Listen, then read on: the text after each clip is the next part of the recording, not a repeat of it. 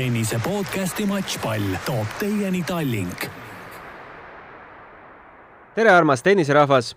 French Open, aasta viimane Suure Slami turniir on lõppenud ja nagu lubatud, siis võtame Matšpalli stuudios selle põneva kahenädalase turniiri samuti kokku. mina endiselt saatejuht Gunnar Lehest ja minu kõrval istuvad Riho Kallus. tervist! ja Michelle Lehtmets. tere! ja meil on äh, üllatuskülaline ka teisel pool äh, telefonitoru, joonekohtunik Kairi Karpa.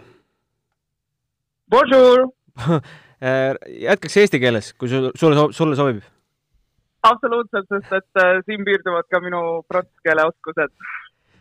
räägi, sa jõudsid eile tagasi, mis need reisipiirangud sul on, oled sa nüüd kaks nädalat kodus seina vahel? Äh, kindlasti mitte, sest et äh, ma eile andsin lennujaamas juba testi äh, selles, kuna, kuna see võimalus on siis meie, meie riigi kodanikele ja, ja täna hommikul ma sain juba oma testi tulemuse, see oli negatiivne, nii et äh, mina ootan siis seitsme päeva pärast oma kordustesti ja, ja kui ka see on negatiivne, siis mina arvan, et, äh, et mina võin küll jälle avalikku ellu astuda. kuidas siis oli äh, kaks nädalat maski kanda, kuidas sellega tööd saab teha ähm,? Ma pean tegema paranduse, see oli kolm nädalat, et kolm. selles suhtes jaa äh, kui mina läksin Pariisi septembri lõpus, siis mina kandsin esimest korda maski, sest et äh, kuna ma elan Pärnus, siis äh, meil siin ka veel septembris seda kohustust ei olnud ja, ja isegi kui ma käisin avalikes kohtades, kus ma ei käinud küll nüüd nii palju, aga, aga näiteks ka poes, et ma ei pannud maski ette ja, ja Pariisis oli tõesti see esimene koht, kus ma, kus ma maski panin ette, aga ma panin selles juba siis, kui ma hakkasin Pärnust minema, et ma läksin bussi peale ja sõitsin Tallinnasse lennujaama suunas, ma panin maski ette aga, aga seal, äh, seal on see kohustus kogu aeg loomulikult ka lennukis, lennujaamades.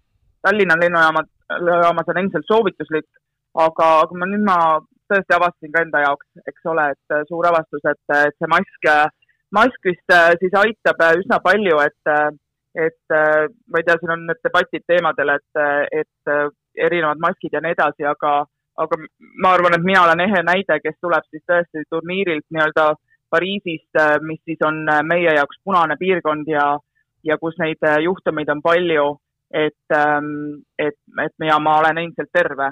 et see on, ma arvan, väga suur saavutus tänasel päeval. Mis olid need suuremad erinevused võrreldes nüüd Roland Garros kaks tuhat kakskümmend versus kaks tuhat üheksateist kevad? no alustame juba jah sellest siis, et, et kevad ja sügis Pariisis on äh, täiesti erinevad äh, aastaajad ja, ja, ja see ilma, ilma, see ilmaolu oli väga-väga suur meie jaoks, et, et ma, esimesed kvalipäevad olid tegelikult väga soe ilm, me olime polosärkides ja oli täpselt nagu mais, et, et selles suhtes ähm, esimesed päevad olid äh,, oli väga mõnus ähm,. aga siis ähm, põhiturniiri esimene päev, siis kui mängisid ka Kaia ja, ja Nett mängisid äh,, siis oli kõige kehvem päev äh, ja see oli siis äh, äh tõesti niimoodi, et sadas seda uduvihma ja oligi jahe ja niiske, et ega meil ka seal väljakul mõnus istuda ei olnud. Et, et oma, et eks me vaatame seda ilma juba varem, et, et mina võtsin ka endal siit äh, pika termopesu kaasa ja, ja kõik, kõik see varustus oli seal Lacoste'i varustus äh, nii-öelda selle uniformi all, et et, äh, et me, meil oli tõesti mitu kihti enda riideid ka seal, et äh, ega see, ega mõnus ei olnud seal selle uduvihma käes, aga, aga, aga nii lihtsalt, äh, nii lihtsalt oli. ja, ja siis teine loomulikult suur erinevus oligi siis see mask ja, ja need reeglid, et, et, et mask ees terve päeva, ehk siis ainuke koht, kus me ei pidanud maski kandma, oli hotellituba et ja siis loomulikult, kui me sõime või, või jõime, et, selles suhtes et äh, aga aga seal käisid kogu aeg inimesed ringi, kes siis äh,, kes siis tuletasid sulle meelde, vabandust, et, äh, et pane mask pähe, et sa oled nüüd söömise lõpetanud, pane nüüd mask pähe. et, äh, et siis maski, maski kandmine ähm,, minu, mina pidin ka alguses endale meelde tuletama, et aa, kui sa välja lähed, Kairi, pane mask pähe, sest et minu jaoks oli see harjumatu, aga, aga lõpuks ma harjusin sellega ära ja ma arvan, et meil olid päris head maskid ka, et ei olnud seda tunnet, et äh, mul on palav selle all, sest meil ei saanud see palav olla, kuna ilm oli normaalne. aga, aga, aga jah, selles suhtes, et on on see mask on üks, üks osa praeguses ühiskonnas seal eriti, et, et see on natukene teistsugune. aga positiivseid asju oli ka, et äh, näiteks meil olid äh,, meil olid äh, üksikud toad, ehk siis me ei tohtinud tube jagada. Ja, ja siis samamoodi ka Roland Garros oli nii palju vähem pealtvaatajaid, et seal oli lust käia ringi, sest et kõik need tänavad olid tühjad. Ja mulle väga meeldis see, sest et kui meie peame väljakule minema, siis ma tihti olen äh,, kiirustan äh, meie ruumist, et minna kuskile väljakule, eriti kui sa oled kuskil kaugemal väljakul ja siis on need äh, pealtvaatajad seal ees, et äh, praegu, praegu olid tänavad tühjad ja, ja sai igale poole ülikiiresti, et see, mhm. see on, need, need on positiivsed asjad ka. et, et ei ole ainult halb milliseid äh, mänge sa said teenindada, milliseid turniire ja kas sind telepildis ka nägi? meie ei pannud tähele äh, minu sõbrad ikka nägid mind, kes, kes jälgisid mingeid mänge kuskil, nad tunnevad mind hääle järgi juba ära, et see on et ei peagi nägema, et, et kui kuskilt tuleb äh, üks kõva kool, siis see on Kairi. aga eks me näeme seal ühesugused välja, maskid ees ja ka raske on tuvastada, aga kes meid ikka teavad, siis äh, tundsid ära. aga ma olin äh,, ja ma olin kaheksateist päeva kokku äh,, äh, töötasin kolme nädala jooksul ja, ja minu äh,, minu esimene Grand Slami finaal see aasta, nii et ma olin siis naiste üksikmängu finaalis see oli mu viimane päev ja ma olin seal tagajoonel äh,, äh, left base on selle nimi siis, et äh, pukist vasakul äh, tagajoone peal olin mm. -hmm. ja siis ka meeste paarismängu finaalis, et äh, need on ju samal päeval. Äh, võib siis öelda, et sa oled karjääris ikkagi sammu edasi teinud?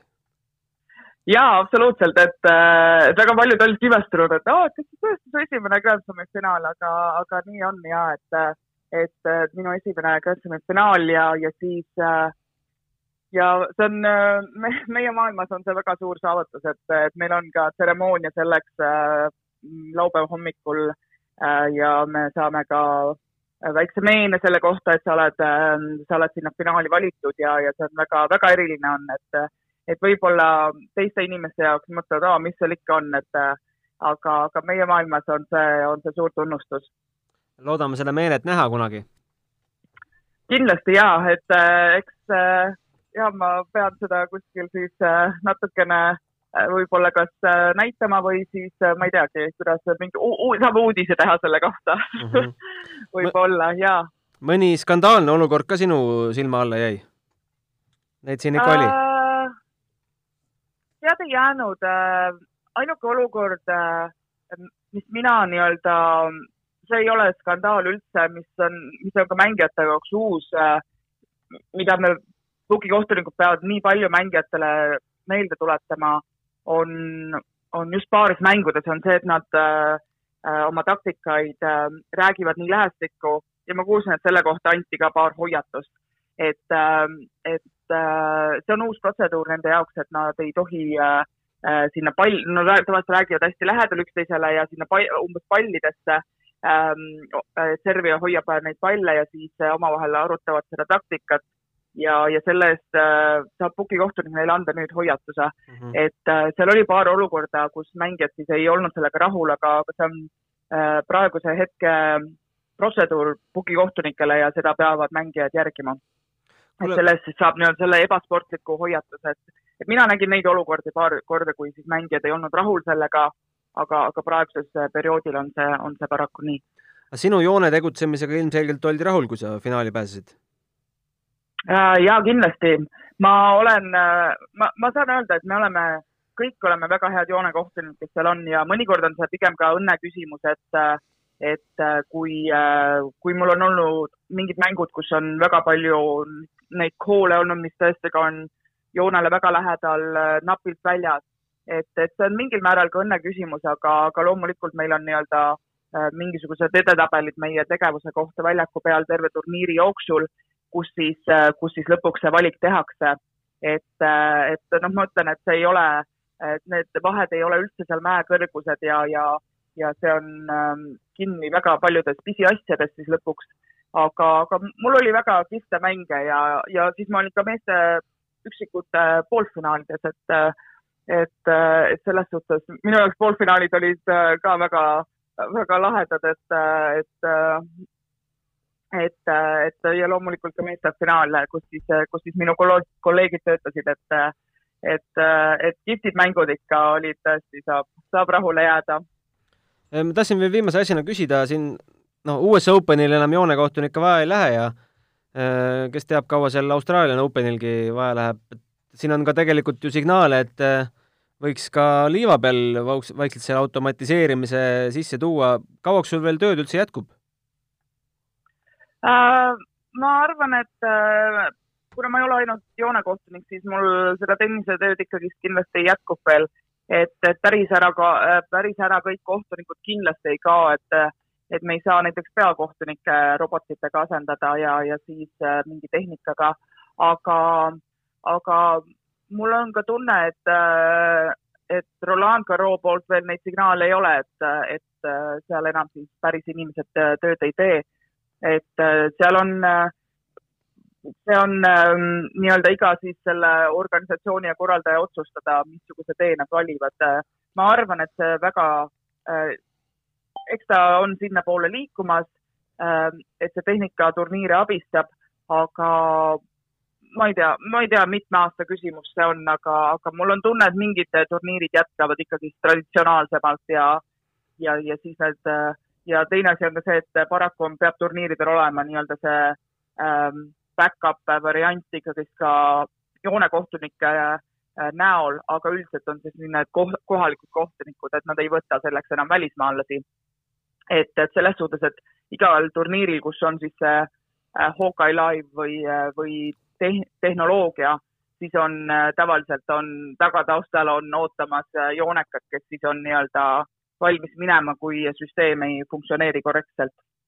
kas sul selleks aastaks on välisreisidega kõik või, või midagi veel saad äh,? tead, ma isegi vabatahtlikult ütlen, et selleks aastaks on välisreisiga kõik, sest et äh, kõik see, kõik see äh, need protseduurid sinna juurde, et see teeb reisimise tegelikult väga keeruliseks ja just see tag tagasi tulles see isolatsiooni jäämine, et, et ma ausalt öeldes väga ise ei taha enam minna, et, et Roland Garros oligi lihtsalt nii suur turniir, kuhu ma, kuhu ma tahtsin minna ja, ja siis ka selle esimese testi teha, et kuidas see, kuidas see uus maailm üldse toimib.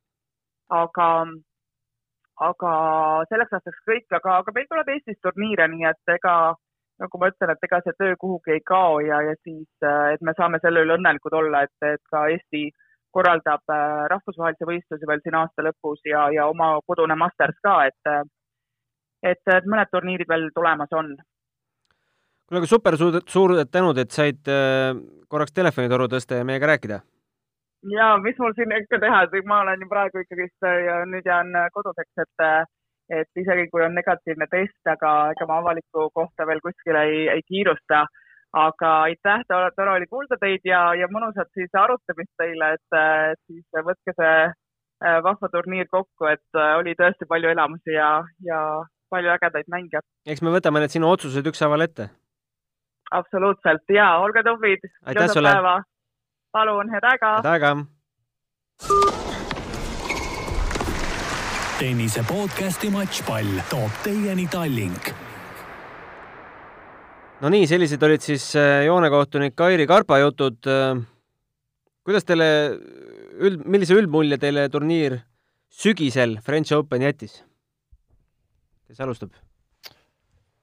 no ma teen siis otsa lahti, et äh, turniir nagu turniir ikka, et äh, vaatasime seda telekast ja kindlasti soojades tubades või, või pubides, et äh, selles suhtes nagu väga suurt vahet ei näinud, et äh, noh, mängijate jaoks kindlasti see raskem oli seal niisketes oludes ja, ja külmas olus mängida, aga aga mulle tundus, et, et ega see ilm väga hullem enam nii-öelda järgmised aastad olla ei saaks, et hädapärast saab Roland Garrosis oktoobris mängida küll tennist. Riho, pealtvaatajate ja tennis, no nii-öelda, nii-öelda pealtvaatajate, et mõne mängul ikka tuhat pealtvaatajat oli, et äh, on see uus normaalsus mõneks ajaks?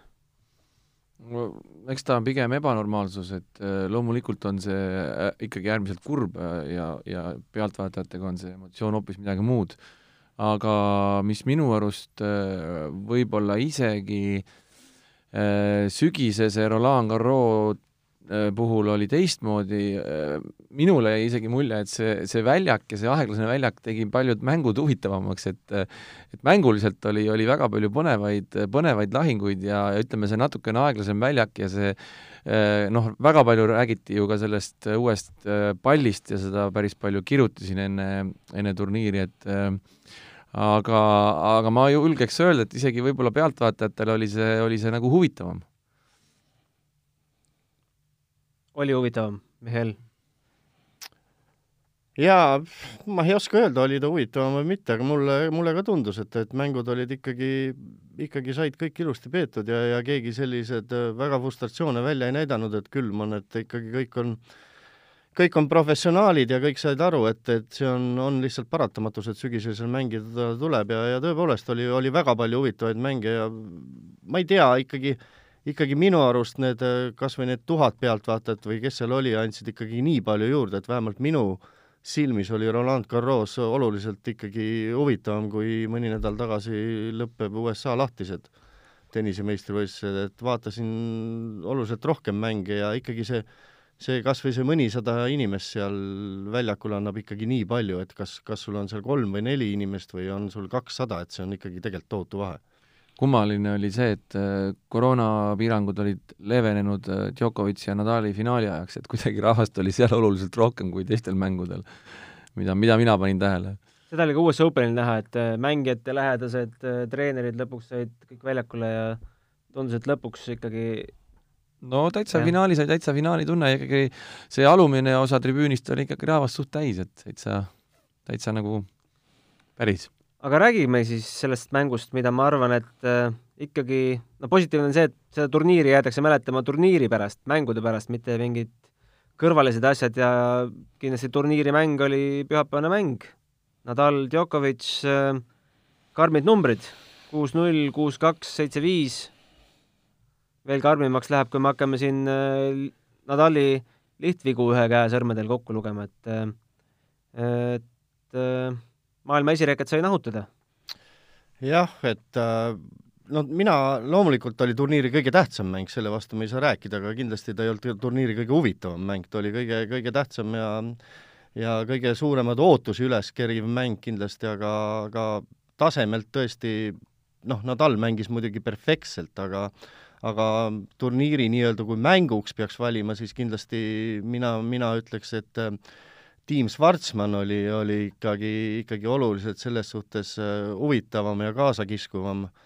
aga, aga suurest finaalist rääkida jah, nagu, nagu sa ütlesid, et Nadal, Nadal mängis tegelikult perfektse finaali sisuliselt, et väga paljud tennisespetsid isegi isegi ka eurospordi kommentaatorid ütlesid, et ta mängis läbi aegade parima finaali, mis ta üldse Grand Slamil mänginud on, vähemalt Roland Garrosil. no raske öelda, aga, aga, aga eks sellele natuke aitas kaasa ka no minu arust ikkagi väga mannetu Djokovic, et et kohe mängu algus oli näha, et ta kohal ei olnud, et, et kas, raske öelda, ma, ma väga ei usu, et see äh, Tsitsipase mäng tal jalgades oli, sest üks päev oli ikkagi taastumiseks aega ja oli küll see viis setti seal Tsitsipasega, aga, aga ega seal väga pikkasid punkte ei olnud, et Nadal ja Schwarzmanni mängus oli ikkagi oluliselt, oluliselt pikemaid punkte ja oli ta füüsilisem mäng, et ma pigem ei usu seda, seda, et, et tal see jalgades oli, et tundus, et, et kuidagi mentaalselt ei olnud ta ikkagi selleks finaaliks valmis ja ja võib-olla tõesti need oleks, oleks see start, oleks on alati oleks, on ju, tal parem olnud, oleks võinud siin midagi muud olla, aga Nadal tõepoolest mängis esimese seti pea perfektse seti, et kolm äh, lihtviga teha Roland Garrosi finaalis maailma esinumbri vastu, et äh, noh, see on midagi, midagi enneolematut ja ja, ja tundub, et lihtsalt äh, tõepoolest, et vaim ei, ei olnud Djokovicil selleks, selleks finaaliks valmis. Riho, milliseid emotsioone pakkus? jah, me eile Micheliga võtsime kokku, ka vaatasime ju lihtvigu oli neli korda rohkem kui Nadalil matši peale vist circa. no neli, na, napilt alla no, nelja kogu matši lihtvead neliteist viiskümmend kaks või midagi, midagi sellist. et, et see, see tennises on, on selle asja nimi ikkagi teerull, et see on ikka meeletu, meeletu vahe, et ähm, aga, aga ma tahtsin, mida ma tahtsin korra rääkida üleüldse selle, noh, eks, eks kõik, kõik ju ootasid seda finaali, aga mis, mis signaal on taaskord antud, et äh, endiselt läbi aegade maailma kolm parimat tennisisti mängivad, üks nendest küll ei osalenud, aga, aga noh, üha rohkem ja rohkem on, on ikkagi tunne, et niikaua, kui need mehed mängivad, niikaua need mehed tiitleid nopivad. Et ähm, see on, see on meeste tennises ikkagi fenomenaalne seis ja teistele mängijatele saab ainult kaasa tunda nende sünniaasta pärast, et äh, et see on, see on, see on uskumatu.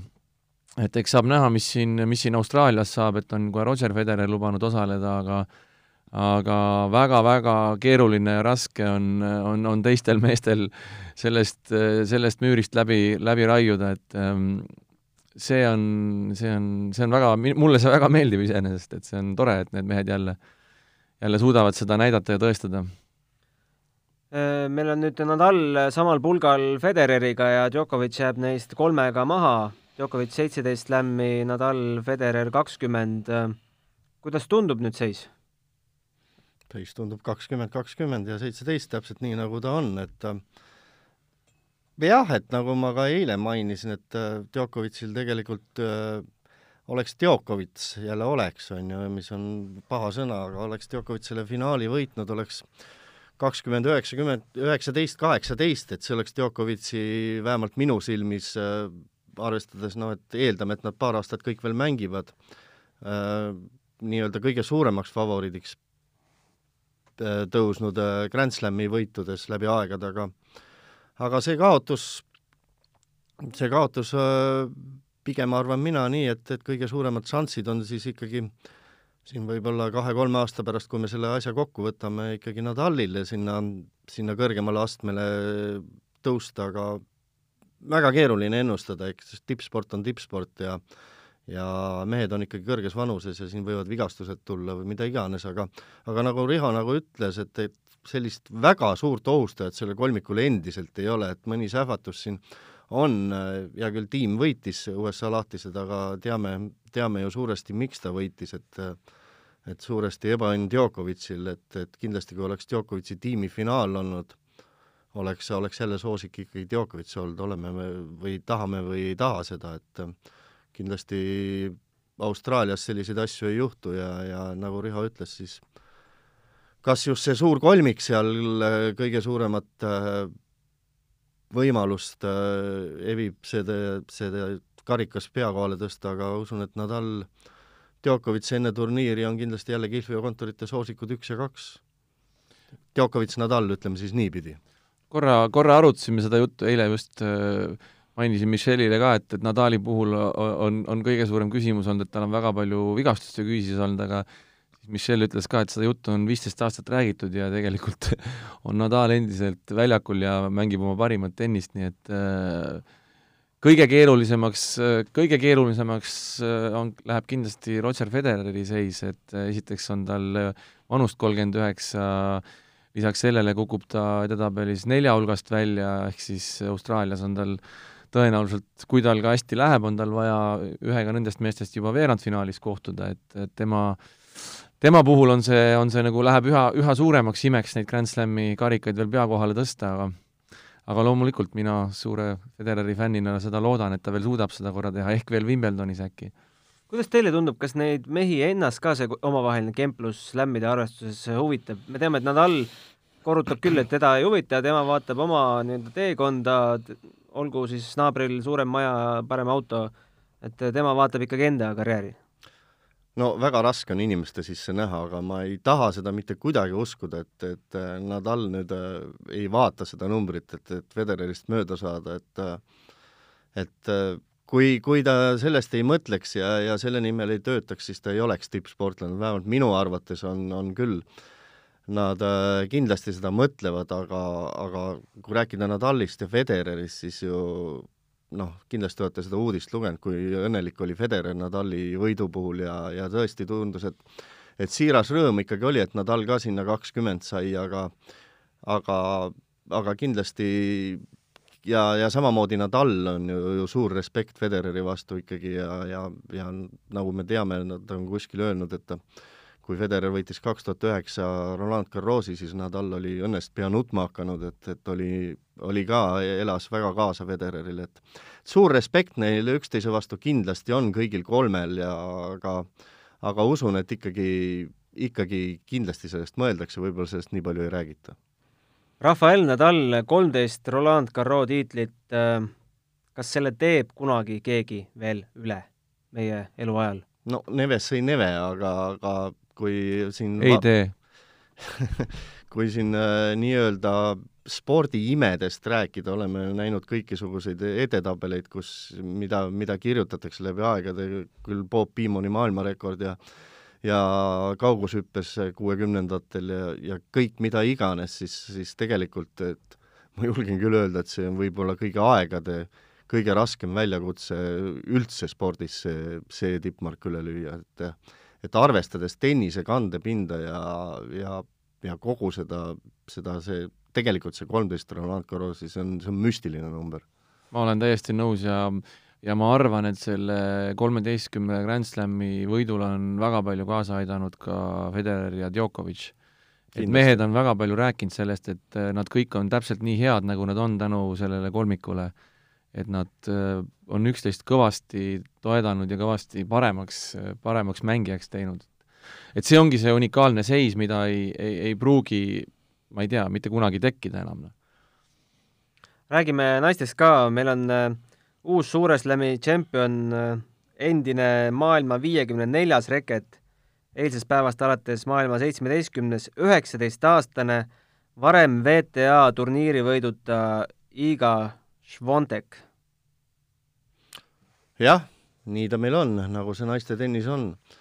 aga jälle see asi, et, et paljud juba tituleerivad teda, teda uueks esinumbriks ja pikaaegseks vai-, valitsejaks, mina nii suuri veksleid ei julgeks välja anda, et, et neid naisi, noori, kes on võitnud, on ju väga palju viimasel ajal olnud, kellest on arvatud, et kohe-kohe on, on tennises uus valitseja, võtame kas või aastaid viis või kuus või seitse, täpselt palju see oli, Eugenia Bouchard, kes jõudis vist kõigil neljal Grand Slamil vähemalt poolfinaali ja, ja arvati, et see on kohe-kohe uus maailma esinumber ja ja Bouchard on praegu seal oligi aga Instagramis?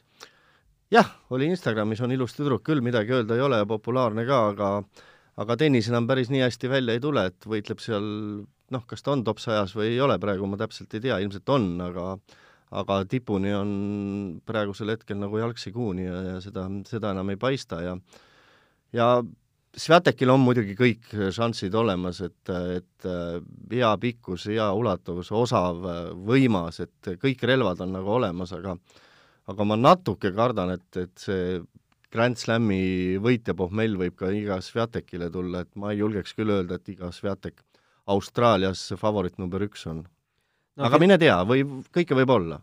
no üks värske Slami võitja oli tal finaalivastane, Sofia Genin äh, ei tekkinud variantigi?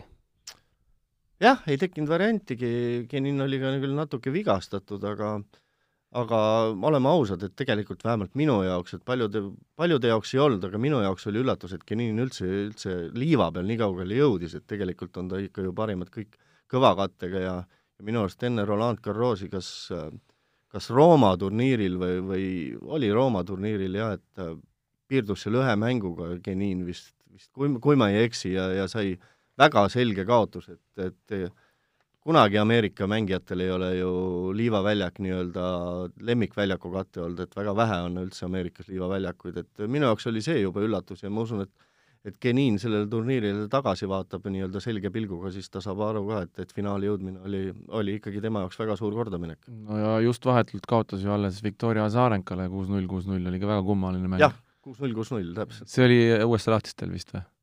Või oli see, see oli kõvakattega väljaku peal vist, aga no mõni aeg tagasi, mõned turniirid tagasi alles oli see matš. et tema on jah, niisugune kummaline, kummaline mängija, et tema puhul ei tea nagu. Italian Open. aa ah,, siis oligi Roomas, Roomas oligi liiva peal jah, jah. no vot, et see, et, et ütleme selle, selle ooduse pealt minna nüüd, et Prantsusmaa lahtiste finaali, aga need jah, muidugi peab ütlema, et väga vintske tüdruk ja, ja selline ehtne vene hing, et ta natuke meenutab ka Šarapovat, et igat punkti ikkagi annab endast kõik ja kunagi alla ei anna ja selline tubli tüdruk ja, ja kindlasti ma usun küll, et Geninil on, on veel päris helge tulevik ees, et, et suhteliselt stabiilne ka viimasel ajal ja aga jah, Roland Garrosi finaali jõudmine minu jaoks oli, oli üllatus ja ja, ja vaadates Sviateki mänge, siis minu jaoks oli ka üllatus, et, et väga väga paljud mu tuttavad või vähemalt mitmed arvasid, et Genin selle finaali võidab, et, et ma, ma mingis sellest... ennustuses kuskil Facebookis panin midagi Genini peale ma vaadates Sviateki mänge, siis mul no vähemalt minul ei tekkinud kahtlust, et, et Sviatek on favoriit ja, ja õigustas seda ennast. jah, aga kahtlemata naiste tennisel ei ole tippudest midagi vastu panna tänasel hetkel meestele, et kaardid on ikkagi väga lahti ja tase on noh, ütleme keskeltläbi ikkagi, ikkagi nõrk võrreldes äh, aegadega, kus noh, ütleme kas või siin võib-olla Kaia parimad aastad, kui Serena Williams valitses ja, ja noh, praegu on ikkagi no väga paljudel tüdrukutel võimalusi. aga kas te ihkate ühte domineerivamat mängijat või ikkagi natuke on põnev ka? no An Anett võiks tulla esireket. ja võiks, ja võiks hakkaks domineerima ja väga tore oleks. see oleks, see oleks tore, et seda, seda ootame pikisilmi. jah, ma arvan, et, et jah, mõnes mõttes on see huvitav, et kunagi me ei tea, et, et kes sealt need mängud võita võib, aga no kuidas see oli, me siin eelmine aasta tegime mälumängu küsimus oli sul, et nimetage VTA turniiri võitjaid ja no väga raske oli nimetada neid kaks tuhat üheksateist hooajal, kõik ega, olid ega see aasta lihtsam kõik olid erinevad nimed. ega see aasta lihtsam ei ole jah, et, et ei no. ole küll üldse eriti turniire peetud, aga aga mõni üksik on vist kaks no,, kaks siin jälle, jälle ju hea näide, eks ju, et Anett on ju sedasama tüdrukut ju kaks korda võitnud ja Cincinnati's ja sel aastal Austraalias. jah, et, et, et noh, miks ta siis ei võiks ka täpselt samamoodi selle karika pea kohal tõsta. aga miks ta ei võiks? minu teada mina ennustasingi teda poolfinaali, eks ju, Anetti. Anett koos Alepiga. Alepiga, jah, jah. et aga, aga võibki. Need ennustused, Riho, kohe võtame ette varsti. aga absoluutselt, aga võibki, mina ütlen, et võibki, Anett ongi võimeline seda tegema. et äh, see on ainult niisugune jah, peeglisse vaatamise küsimus, et pigem, pigem võiks jah, see enesekindluse taga võib-olla, võib-olla minul, et kõik mängulised elemendid on jaa, et see on, see on nagu iseenda taga pigem jah, mitte nagu, et keegi oleks tast nii palju parem. et ei. Švantekilt äh, küsiti ka pressikonverentsil, et kus sa saad veel juurde panna, et sa oled üheksateistaastane. ja siis ta ütles, et äh, no kuulge, et igalt poolt saab veel juurde panna ja kõige rohkem muidugi stabiilsuses, et äh, mida me ju räägime Aneti puhul ka, et stabiilsus on natuke paremaks läinud, aga annab veel kõvasti vunki juurde keerata kindlasti annab jah, Svanteki puhul muidugi tagasi tulla, et äh, mis ta ka tõus on, et et äh, ta ju väga pikalt äh, tegeles oma õpingutega, et ta ka ise ütles, et, et tennis noh, ei olnud küll teisejärguline asi, aga väga palju nii-öelda segas nüüd need õpingud, et nüüd on ta saanud keskenduda nii-öelda ainult tennisele ja sealt on see väike tõus tulnud. Švandiki puhul räägitakse rõhutatult sellest spordipsühholoogi rollist ka, kes tal isegi äh, turniiridel kaasas käib äh, koos treeneriga, et äh, äh, ei ole Poolatar varjanud, et see on väga oluline osa tema võidust. Jah, ta, ta tundub väljaku peal noh, ütleme jah, et äh, kui, kui vaadata ja peale turniiri näha kõike tema, tema intervjuud, tema siirast emotsiooni ja, ja sellist olekut, siis see, see igati, igati paistis nagu läbi ja õhkas seda kuidagi äh, absoluutselt rahulikkust ja, ja, ja külma närviga väljakul olekut, et seda oli, seda oli tore vaadata, et, et äh, näha on, et tüdruk on jah, kuidagi sisemiselt väga tasakaalukas.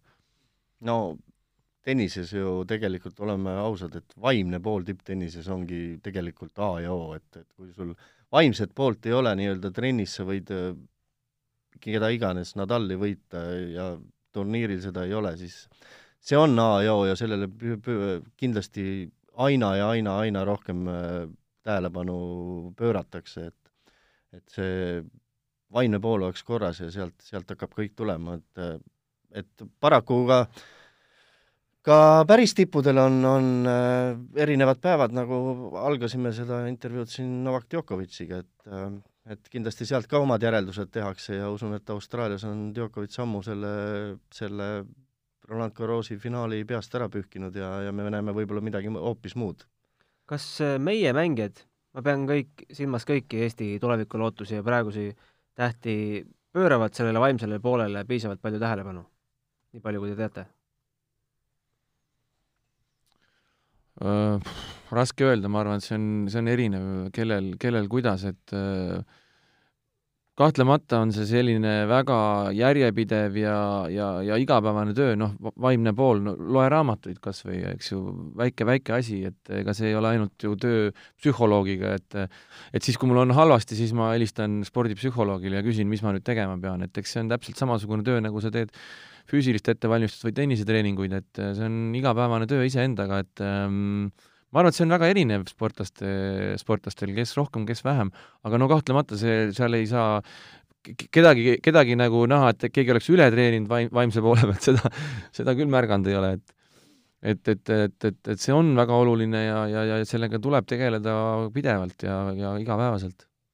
no Jaan Martinson on täna Švantekis teinud pika loo Eesti Päevalehte, mõni fakt sealt, et kuidas võib paari nädalaga elu muutuda, varem oli võitnud üks koma kolm miljonit terve karjääri peale ja nüüd tuli üks koma kuus miljonit lisa. noh, kui sa oled sportlane, siis sa nende asjade peale ei mõtle. et see, see on lihtsalt boonus, see, see tuleb, see tuleb lihtsalt kaasa selle turniiri võiduga, ma, ma usun küll, et et kui sa seal mängu ajal mõtled, et ahah, et nüüd mul on see kaheksasada tuhat on käes, nüüd ma lähen lööma seda palli ja siis saan selle miljoni juurde, no siis, siis ei ole võimalik mängida seda mängu, ma arvan, et see ei ole võimalik. absoluutselt et, et see on, see on boonus lisaks, et mis, mis sellega kaasneb, et, et, et sportlane ei saa, ei saa niimoodi mõelda kindlasti. mis Vantekilt veel pressikonverentsil küsiti, et kas lõpus eh, matšpalli lüües vähemalt tuli mingi närv sisse ja ütles, et jah, aga kuni sinnamaani järgisin psühholoogi nõuandeid, mis oli siis, et keskendu kogu mäng oma jalgade tööle ja ära millelegi muule mõtle.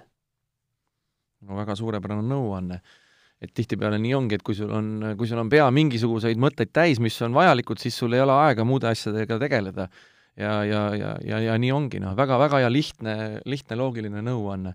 ja tihtipeale alati sa saad mõelda, et noh, keskendu oma jalgade tööle, et alati saad sa mõelda, et aga ma teen veel ekstra väikese liigutuse igalt poolt, et teen veel ekstra, natuke liigun paremini ja kogu aeg mõtled selle peale, siis, siis sa mängidki paremini. geniaalne aga tegime siis äh, kaks nädalat tagasi siin väikse ennustuse, ennustusvõistluse, ennustasime poolfinaliste. alustame siis äh, tagantpoolt. Äh, Riho pakkus, et poolikutes mängivad Djokovic tiim, Zverev Nadal, sealt kaks punkti tuli ja naiste poolikutes Kontaveit Halep, Muguruza, Pliškova tuli nulliring. Riho kolmas koht, aplaus no kolme hulgas, ega ei ole paha ju äh, Michel, Nadal tiim, Djokovic ja siis sa kahtlesid seal, kas Tsitsipas või Medvedev. sellest andsime pool punkti. Naistest äh, Halep Mertens, Muguruza, Pliškova, teine koht, kaks koma viis punkti. nii kuidas ma nüüd ennast sisse juhatan? Äh, ma panin pihta, panin Djokovic, Tsitsipase Nadal ruud läks poolest, poolenisti mööda. kaugele see nüüd ruud üldse jõudiski? annab lapata. ruud komistas ähm,, ei komistanud, ruud mängis ähm, teise ringi ikka jõudis ju, kolmandasse isegi. kolmandasse jõudis, tiimiga, tiimiga, jah mm. -hmm. ja siis mul läks äh, pihta veel äh, juhuslikult, ma arvan no kõik oli sul juhuslik. Kvitova poolfinaalis ja mööda läksid siis Halep, Azarenka ja Sabalenka, aga neli punkti ja võtan auhinna. aitäh! no ikkagi, nojah, auhinna võtad, aga ikkagi suht ta, ta, no ütleme, suht kesine tulemus sinu poolt ikkagi, võiks öelda. oleks oodanud jah, paremat tulemust. oleks oodanud paremat tulemust. palju neid saateid teinud siin juba, et peaks paremini teha. no nagu ma eile Rihole ütlesin, et kui me, kui me Äh, võtaks miinuspunktidena, et äh, palju meil need teised pakkumised äh, siis poolfinaalist puudu jäid, siis ma arvan, et see seis oleks hoopis pea peal, et ma arvan, et järgmisel turniiril prooviks need miinused ka käiku võtta. täitsa, täitsa mõte. aga me rääkisime siin, et, et kas Djokovic Nadal oli nüüd tu-, selle turniiri mäng, mis olid veel vinged mängud, mis teile meelde jäid, mul jäi see Brand-, noor prantslane Hugo Gaston, kellest me juba siin eelmises saates jah, need mängud olid seotud Dominic tiimiga, aga Hugo Gastoniga seoses noh, see on üks hea näide sellest, mees oli edetabeli koht kakssada kolmkümmend üheksa ATP, kui ma ei eksi, noh nüüd, nüüd on ta juba mingi sada viiskümmend seitse vist, ma eile vaatasin, et tõusis päris palju, pea sada kohta. et, et see on hea näide sellest, et tennis, tennises on see äärmiselt keeruline ja äärmiselt raske, et kui on noori andekaid mängumehi, siis nendel ei teki üldse võimalust nende tippudega tegelikult äh, rinda pista, et äh, variant on sündida riigis, kus, kes korraldab Grand Slami teatavasti üks wildcard läks prantslastele raisku Andy Murray peale, aga ülejäänud olid kõik ju noored prantslased, et et, et nii, nii see on ja, ja paraku ma usun, et tennises on palju veel selliseid noori, kes, kes mängivad suurepäraselt, aga aga see lihtsalt võtab nii kaua aega, sa pead äh, perfektselt mängima ju praktiliselt tuuril niimoodi, et sa võidad Futures turniire järjest, selleks, et saada järgmisel aastal ATP Challenger tuurile ja siis sa pead Challenger tuuril ka väga palju turniire võitma, et saada ATP-le peale, et et see see wildcard on selline shortcut siis või? Wildcard on oluline shortcut loomulikult, kui sa oled ikkagi heas vormis ja ja, ja et ma, ma arvan, et selliseid Gastoni-suguseid mehi on veel, veel, veel, veel ja veel, aga no korra ma segan sind vahele, et see tiimiga mäng jah, et no see oli tegelikult müstiline mäng, et et et võita, no ütleme peaaegu võita maailma üht parimast liivamängijat ilma servi omamata, servi ei olnud ju Gastonil, ta lükkas selle palli sisuliselt ainult mängu. ühtegi korda ta palli ei põrgandanud, see oli ka imelik, ma pole ühtegi mängijat näinud niimoodi, kes läheb servima, kordagi palli maha ei põrgata. võttis kätte, võttis taskust ja servis. lükkas selle mängu, tiim lõi tagasi, tegi lühikese stopi, tiim ei osanud nendega mitte midagi pihta hakata, no kõik viis setti oli ta nendega püsti hädas, et ja noh, muidugi kodupubliku maruline toetus, sest noh, Prantsusmaa kodupublik on kodupublik, aga kui sul on veel kahesaja kolmekümnes reket, kes on Vavrinka ennem välja löönud, on ju, ja, ja nüüd on tiim vastas, et et tiim oli ikka vabanduse väljenduse eest ikka püksid päris täis tegemas seal, aga, aga lõpuks ikkagi ujus välja sealt. kogemustega. aga nüüd tuleb meil Austraalia Open ja ega Austraalias neid talente vähem ei ole? no Austraalias on jälle Austraalia talendid, et, et eks, eks seal on sama, sama lugu, et väga-väga harva on näha, et väga harva on näha, et oleks seal äh, mõni, mõni välisriigi mängija, kes, kes selle wildcardi saab, et äh, et, et noh, mina, mina, mina näen küll, just eile arutasime ka, et, et äh, et seal võiks olla teatavad wildcardi kohad, mis on ette nähtud kas siis näiteks mõnele väiksemale ATP turniiri võitjale või, või, või Challenger turniiri võitjatelegi, et, et, et noh, natukene luua neid võimalusi nendele, nendele parimatele noh, mis iganes, mõni vigastatud, mõni noor ja nii edasi, et, et, et ähm, noh, täna on küll tehtud süsteem, et juuniorturniiride äh, top saja mängijad saavad, saavad Futures turniiridele peale, mis on ka väga, väga oluline samm minu jaoks, minu arust edasi, et, et, et võiks ka, võiks ka, võiks ka liikuda nagu kõrgemale see samamoodi. mis te arvate, Austraalia Open äh, toimub või ei toimu? no juba on paigas, et toimub juba on, on, on lukus või? on lukus jah, ja isegi pealtvaatajatega, muidugi mitte täismahus, aga mm., aga enam-vähem vist sama formaat nagu nagu Roland Garros oli, et äh, usun, et kõik äh, on sellest kevadest nii palju õppinud, et kõik korraldab, ma arvan, et, et millegipärast, et, et äh, järgmine aasta on suht full kalender, et, et ikkagi kuidagi need turniirid ära korraldatakse, et kas ilma pealtvaatajatega või osaliste pealtvaatajatega, aga, aga aga sellist äh, nagu me siin see aasta oktoobri ja novembri kalendrit vaatame, et ainult suspended, suspended, suspended, et seda me järgmine aasta, ma arvan ja loodan muidugi, et me ei näe. ja teine küsimus, kas Austraalia Open toimub Kaiata või Kaiaga? seda teeb Kaia vist ainult ise. Äh, loodame, et Kaia, aga Kaia just alustab täna kahekümne viie tuhande dollari turniiri, oli see Prantsusmaal? Prantsusmaal, jah. Prantsusmaal jah, ja mängib vist kaks turniiri järjest ja, ja Ost-, Ostrava ka või teine ka Prantsusmaa? ja vot Ostrava kvalifikatsiooni, minu, minu teada mängib kaks, kaks kahekümne viie tuhande dollari turniiri vist järjest, eile just. ma kardan, et, et reisimine ei mm -hmm. ei, ei lubaks nii, et, et Ostravasse läheks. jah, et äh, just eile äh, eile just suhtlesin äh, Kaia üldfüüsilise treeneri Indrek Tustitiga ja ütles jah, et Prantsusmaa mängib kaks tükki ära ja siis vaatab, kuidas läheb. et äh, no ma loodan, tal ehk, ehk sealt natuke punktilisa tuleb, ta on seal piiri peal ja ja, ja loodan, et ta ikkagi mängib Austraaliat. ma, ma nii hirmsasti tahtsin näha seda, esiteks seda Kaia äh, teise ringi otsustavat setti ja nii väga oleks tahtnud näha seda kolmandat mängu, et Kaia juba hakkas seda hoogu, hoogu ja mängu leidma, et äh, jäi natuke lihtsalt jah, võib-olla ette enne, enne Prantsusmaa lahti, oleks saanud mõned võistlusmängud veel, oleks olnud. no ma ei väsi kordamast, ma tahan näha ikkagi Kaia Aneti võistlusmängu Suurel Slamil. jaa, kindlasti, kindlasti kõik tahaks näha seda Eesti tennisefännid eriti. oleks põnev, et see on midagi muud kui mingi näidismäng, jah. aga teil seal Peterburis, kuidas pealtvaatajatega on? viiskümmend protsenti, viiskümmend protsenti lubatud, eile oli täitsa tribüün, oli täitsa nagu noh, rahvastikku tundus olevat seal, et täitsa normaalne.